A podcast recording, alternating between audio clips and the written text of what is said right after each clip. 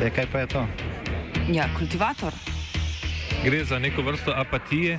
To lahko reče samo kreten, noben drug. Socialni invalid in ga je ne mogoče urejati. Drugi kandidat. Pa, eh, pa pije, kadi, masturbira, vse kako ti človek počne, nihče tega ne ve. Vsak petek skultiviramo dogodek tedna. Lahko po kriterijih radio študent, težko pa po evropskih kriterijih. Ampak na drug način, kot vi to mislite. Kultivator vedno užge. da pač nekdo sploh omenja probleme, ki so in da pravzaprav sploh nekdo sproži dogajanje uh, v družbi. To drži, drži. I thought I heard the old man say, Leave her, Johnny, leave her. Tomorrow Metastaze. get your pay, and it's time for us to. Leave her. Če bi se te dni udeleževali sestankov izvršnih organov največjih svetovnih tehnoloških gigantov, bi se morda začudili, da so prevzeli toliko izrazoslovja pomorščakov. Vodilne v podjetjih kot so Meta, novo ime Facebooka in Alphabet, ki si lasti Google, namreč vse bolj skrbi pregovorni vihar, ki se pripravlja v pisarnah evropskih varuhov zasebnosti uporabnikov medmrežja. Zadnje mesece je namreč delovanje podjetij, ki za svoje poslovanje zbirajo velike količine podatkov o obiskovalcih svetovnega medmrežja, otežila kopica odločitev evropskih regulatorjev, da je čas neomejenega lova na podatke evropskih uporabnikov mimo. To leave her. Najbolj sta zbiralce podatkov prizadeli dve odločitvi povezani z zbiranjem evropskih podatkov strani podjetij, ki imajo sedeže v ZDA in standardi za pridobitev uporabnikove privolitve na spletnih straneh. Prvo potencijalno množično kršitev pravil splošne evropske uredbe o varovanju podatkov, bolj znane po angliški kratici GDPR, ki zahteva hranjenje podatkov o evropskih uporabnikih v podatkovnih centrih na stari celini, opiše Robert Bateman.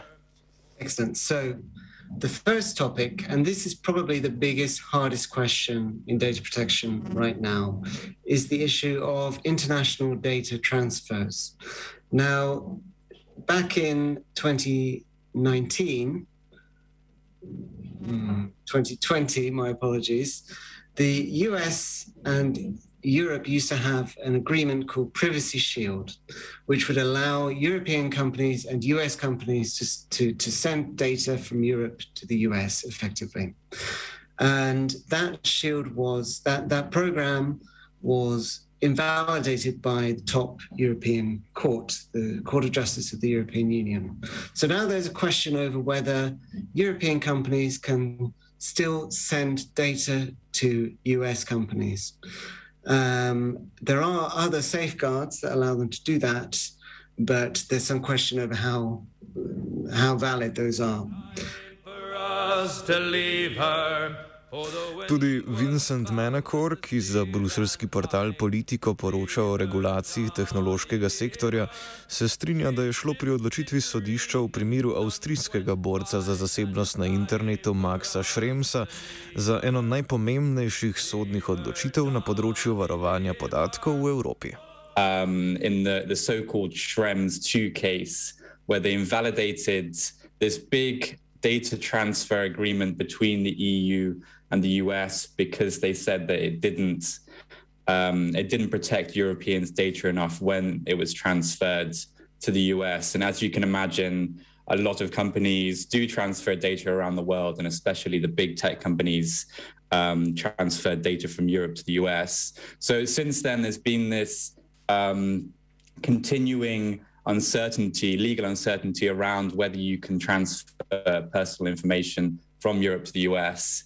Um, and recently, uh, Europe's data protection authorities have actually been enforcing the provisions of this judgment. So this judgment came down, but then there was uncertainty because no one was actually enforcing what the judgment said. But that started changing recently. Um, there have been some big cases involving Google Analytics, which is a web analytics tool used by you know, thousands of websites, um, and many data, many data protection authorities in Europe are now saying that uh, websites can't use these tools because it involves uh, data transfers to the US. So many companies are now getting worried. Um, and in, in, Facebook's case, uh, they have a, a, particular situation with the Irish Data Protection Commission, which uh, could at any point invalidate their data transfers to the US. So. Za drugo pomembno odločitev pa je kriv Nacionalni urad za varstvo podatkov in potrošnikov Kraljevine Belgije, ki je v koš vrgel vse splošno uporabljeni standard za pridobitev soglasja potrošnika ob vstopu na spletno stran. Okence, ki vas vpraša, če se strinjate z uporabo piškotkov, predvsem pa z deljenjem in prodajo vaših podatkov, je namreč po mnenju varuhov potrošnikov neskladno z GDPR in posledično nelegalno. Yes, so it's, it's created by the Internet Advertising Bureau Europe, which is kind of a trade body, an association of advertisers, ad tech vendors, as they're called, and consent management platforms that help publishers get consent for cookies. They all follow this framework, the TCF. Not everyone follows it, but it's easily the, the, the most popular model. And this the decision the, there was a complaint against it brought by someone called Johnny Ryan from the Irish Council of Civil Liberties and it decided that the whole thing was well junk basically. As far as gdpr compliance is concerned there were a lot of issues with it.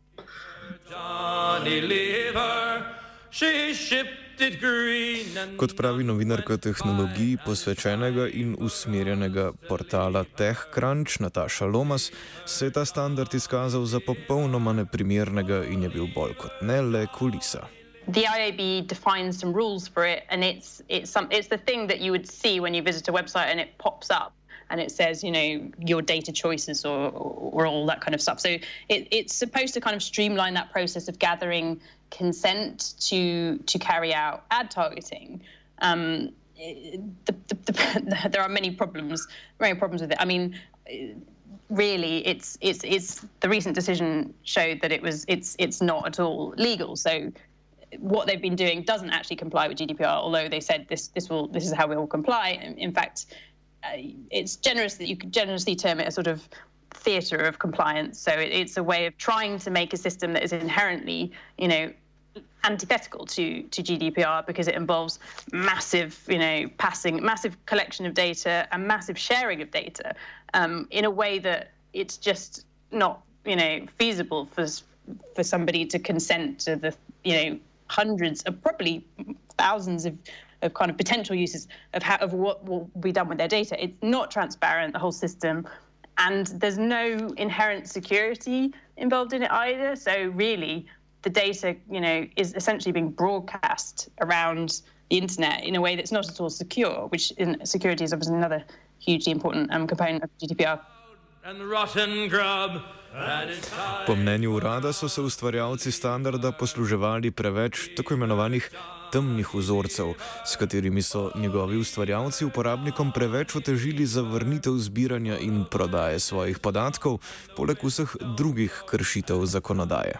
Also, because you know it can be very cynically configured, um, a lot of companies that use it do not offer a simple choice. In fact, if you want to opt out, you have to click through, you know, six menus, and maybe there's some there's some option buried deep deep in the bowels of this thing. Um, and of course, GDPR uh, and indeed, uh, well, certainly GDPR. You know, you, are supposed to if you if you're opting as consent as a legal basis, it should be has to be informed, specific, and freely given. You you can't you can't you know create friction to sort of manipulate the consent. And I mean, on every level, the, the, we, we are extremely tired of these of these cookie pop-ups because we know that they're cynical and, and annoying, and you know, and then and then in a further uh, in a further kicker, there's there's been some good research done recently again that shows that in a lot of cases where even if you click, you know, saying denying consent, your your signal might just be ignored anyway. so there's no way for the IAB to really oversee this. Uh, also, they tried to claim that that wasn't their role anyway, but then the, the Belgian DPA did find them to be a joint controller, so they do now have a lot more, you know, liability attached to it, and they will have to try and oversee it. But how you oversee, you know, such a mass system that involves systemically collecting data pervasively, continuously, and sharing it with all sorts of companies that nobody, half of them, no one has ever heard of, um, doing goodness knows what. Čeprav bi predstavniki teh podjetij trdili, da lahko zbiranje teh podatkov izboljša izkušnjo obiska svetovnega spleta, kar se deloma morda tudi res dogaja, ima lahko takšno masivno zbiranje podatkov hude negativne posledice. Um, I, I mean, I think you've, you've put your finger on the, the issue there is that um, many of these companies know quite a lot about us. And the typical argument against this is people will say, "Well, I don't. I have nothing to hide. Um, you know, why would they be interested in me?" Uh, I, I, think the the issue with that is that it does um, it does place a lot of trust in these companies and places a lot of trust in what they do with the data and who they share the data with.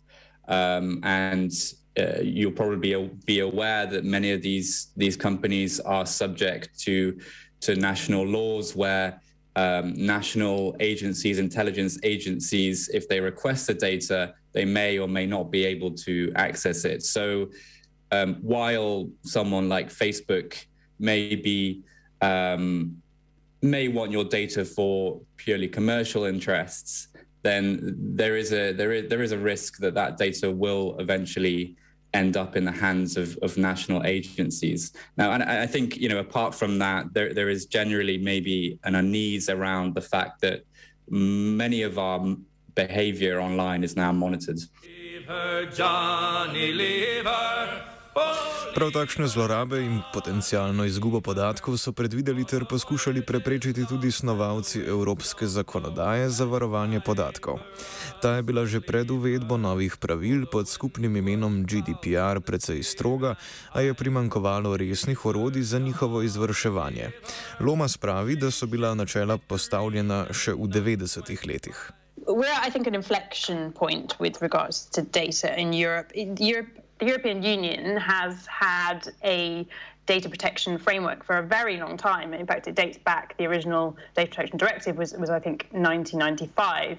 That later got replaced, updated, sort of strengthened. But you know, the largely the framework was much the same. It's just a bit, bit sort of, bit more shiny, shall we say, with the GDPR in 2018. So all of this stuff is is not new. What is new at, at, this inflection point is that we are actually finally seeing some enforcement. So the rights that you have on paper under these frameworks for so long, for, for years and years, they were never enforced. Originally, the, the fines, the, the, the regime was very poor, so there was no point to enforce it really because you couldn't really, you couldn't, no no company would have would have changed their behaviour based on you know a, a, a tiddly fine that you could have got back in the day. GDPR changed that by bringing in some very very substantial fines. And so there is suddenly a, a point to enforce, and also it kind of enables a it's it, it's brought in the ability for third party kind of um, NGOs, campaigning kind of organisations, advocacy groups to actually make complaints on consumers' behalf, which really really helps because a lot of this stuff around data is it's very opaque. We don't really know what these companies do with our information. So how can you complain about it if you don't know? Ključna razlika med prejšnjimi zakonodajnimi okviri so tako orodje regulatorjev, ki omogočajo bistveno ostrejše kaznovanje kršiteljev zakonodaje. So the GDPR has kind of brought in bigger fines and, and the ability for more companies, more more organizations to get involved, which is which is which is great. And we have we have already seen that dialing up. And so now years in, we are finally starting to see some of this campaigning and some of these enforcements sort of trickling through. There's a whole other story about why it's taken so long to enforce. Um, that's to do with kind of the structure of how enforcement works in the EU, and it's very decentralized. It's to do with member states and so on. And then there's another there's a mechanism in the GDPR that allows companies to kind of forum shop essentially. So a lot of them a lot of them based in Ireland because Ireland is considered to be quite business friendly, shall we say, in terms of its data protection regulation. Um, so so they've managed to kind of delay enforcement for a long time, but we are now finally starting to see some of this bite. It's taken a long time, but yeah, we are seeing big things happening. Ključni za dejansko upoštevanje GDPR pravil so prej omenjeni nacionalni uradi za varstvo podatkov in potrošnikov. GDPR uh, works with kind of member state level uh, supervisory authorities which are responsible for enforcing it. Um, that can mean uh, that can mean a single national agency. Uh, in Ireland, there's the Data Protection Commission. France has uh, CINAHL. I won't try and pronounce the French. um, uh, but then, you know, Germany has like a real patchwork that, you know, certain kind of regions have their own data protection authority. So it can be very, very kind of granular. So there's a huge patchwork. Um, and then really your your rights are at the mercy of how good your your agency is, you know. Um, some some agencies are, are more enthusiastic than others, shall we say, about standing up for, for you know, individual rights. Uh, others are more business friendly, more corporate friendly. I mean, Ireland has famously has a very low corporate tax rate, so um, unsurprisingly, perhaps its data protection agency has a reputation for not being the most enthusiastic to uh, to uphold the GDPR, sadly. Um, but they are now under huge pressure because Ireland has all of these big tech companies like um, Facebook, uh, Meta, as it's now known, is based is based there in terms of its uh, legal base. It, it, it, pushes European data through its Irish subsidiary. Google similarly moved to Ireland um, after quite shortly when the French had hit it with quite a large GDPR fine. It obviously realised its liability and immediately reconfigured its business to try to um, shrink the risk. So yeah, so it's it's uh, it's very decentralised. Leave her, Johnny, leave her. Način, kako relativno majhni uradi z omejenimi sredstvi nasprotujejo nekaterim največjim in najvplivnejšim svetovnim podjetjem, se je skozi čas izkazal za enega največjih težav dejanskega izvajanja pravil GDPR. Uh, so, so this this is always a debate. You know, how how can nation states stand up to these very rich, powerful multinational companies? Um, the, the, way that the system works, at least in privacy enforcement in Europe, is that the country where the company has its EU headquarters uh, kind of takes the lead on enforcement, and then the other countries in Europe can can weigh in if their if their citizens are affected. So as you can imagine, with big companies like Facebook, Google, Apple, Twitter, etc um, that will typically involve every single European country, but it will be led by the Irish Data Protection Commission because, for the most part, because um, most tech companies are EU headquartered in Dublin. Um, now, now, this system causes its own problems. Um, the Irish Data Protection Commission has faced a lot of criticism for uh, being seen to be quite soft on many of the tech companies. Uh, there are questions as to whether, you know, a country that is very economically reliant on big tech multinationals has the incentive to properly enforce and go after these same companies. Strinja se tudi Bateman, ki povdarja, da je bilo okoli dejanskega izvajanja pravil v preteklosti veliko preveč zmede, da bi ta dejansko dosegla svoj namen. I think I agree that the, as far as the actual rules go, the changes brought about by the GDPR were quite subtle and might not have been as significant as some people think. So, yes, a lot of this stuff was problematic before the GDPR came into force. There were other rules and the old law uh, that they still were not, um, arguably not compliant with. Now, it's a very complicated situation because all these companies are fighting so many problems that it's hard to conceptualize it as one fight against big tech or anything like that. It's just that people are bringing complaints about specific areas of non-compliance among these companies, and a lot of those complaints are being found valid. Čeprav so si naši sogovorniki enotni, da so na obzorju spremembe, je težko enoznačno trditi, kaj je do sprememb pripeljalo. Nasplošno se zdi, da se je po letu 2016 politično ozračje obrnilo proti velikanom Silicijeve doline. What's called the tech clash, which is the, the backlash against the big tech platforms, which I would say probably really started picking up steam in 2016 with the Cambridge Analytica, scandal, uh, the the the evidence of of you know, Russian interference in the U.S. Uh, election.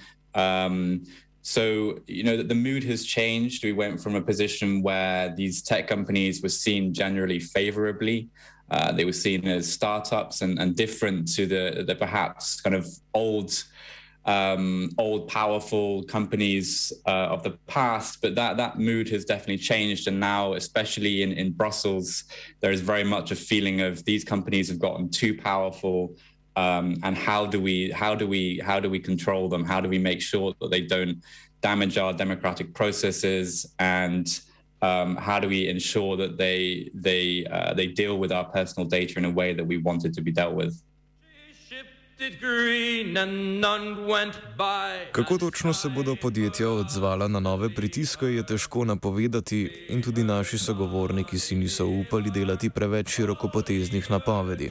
Lastni evropski tehnološki sektor je veliko premajhen in prešibak, da bi lahko tako hitro prevzel vso breme največjih družbenih omrežij in drugih spletnih platform. The the whole uh, Schrems two stuff, which is to do with the data transfers issue, is essentially kind of look, making it look like it's very hard in, in many circumstances to export data out of the EU, and therefore, you know, that might be great for EU-based cloud, you know, cloud services because they can, you know, they can say we're here, we and we're we're you know subject to GDPR, and, and therefore we protect your data, whereas the American companies obviously have the problem that you know if your data goes to the US and it isn't and there isn't some other robust form of encryption where meaning that you know agencies can't access in some way they they are at risk you know the, the data is at risk from their surveillance regime. So that could that certainly could um, put you know create some uplift for European companies. I, I, I mean a lot of people are you know don't like this idea though. I mean, it's sort of splinter net, isn't it? It's, it's, data localization, and it does kind of it does sort of break up the idea of you know the free flow of data and so on. I mean, another another possible scenario is you know this this this issue becomes such a commercial kind of um, car crash. You know, America does decide actually we do, we do actually need to reform our surveillance laws, but that's uh, that's that's unlikely to happen very quickly. Leave her, Johnny, leave her. Najverjetnejši scenarij je, da bodo velika tehnološka podjetja z evropskimi odločevalci dosegla dogovor, ki jim bo dovoljeval zbiranje podatkov vsaj v nekakšni obliki, ki bo za nje poslovno še smiselna. Napoved Facebooka, da se bodo ob zategovanju regulative umaknili iz Evrope, je tako napačno interpretirati kot grožnjo evropskim vladam in državljanom. Gre bolj za opozorilo njihovim vlagateljem, da se bo njihova barka v razburkanih zakonskih vetrovih naslednje obdobje precej močno zazibala. For the voyage is long and the winds don't blow, and it's time for us to leave her. Kultiviral je metamate koruza. But now we're through, so we'll go on shore, and it's time for us to leave her. Leave her, Johnny, leave her. Oh, leave her, Johnny, leave her. For the voyage is long, and the winds don't blow, and it's time for us. to leave her.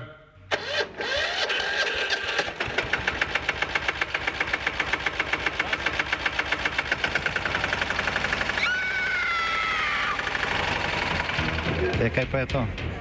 Ja, kultivator. Gre za neko vrsto apatije. To lahko reče samo kreten, noben drug. Socialni invalid in ga je nemogoče urejati. Drugi kandidat. Pa, eh, pa pije, kadi, masturbira, vse kako hočeš lahko počne. Nihče tega ne ve.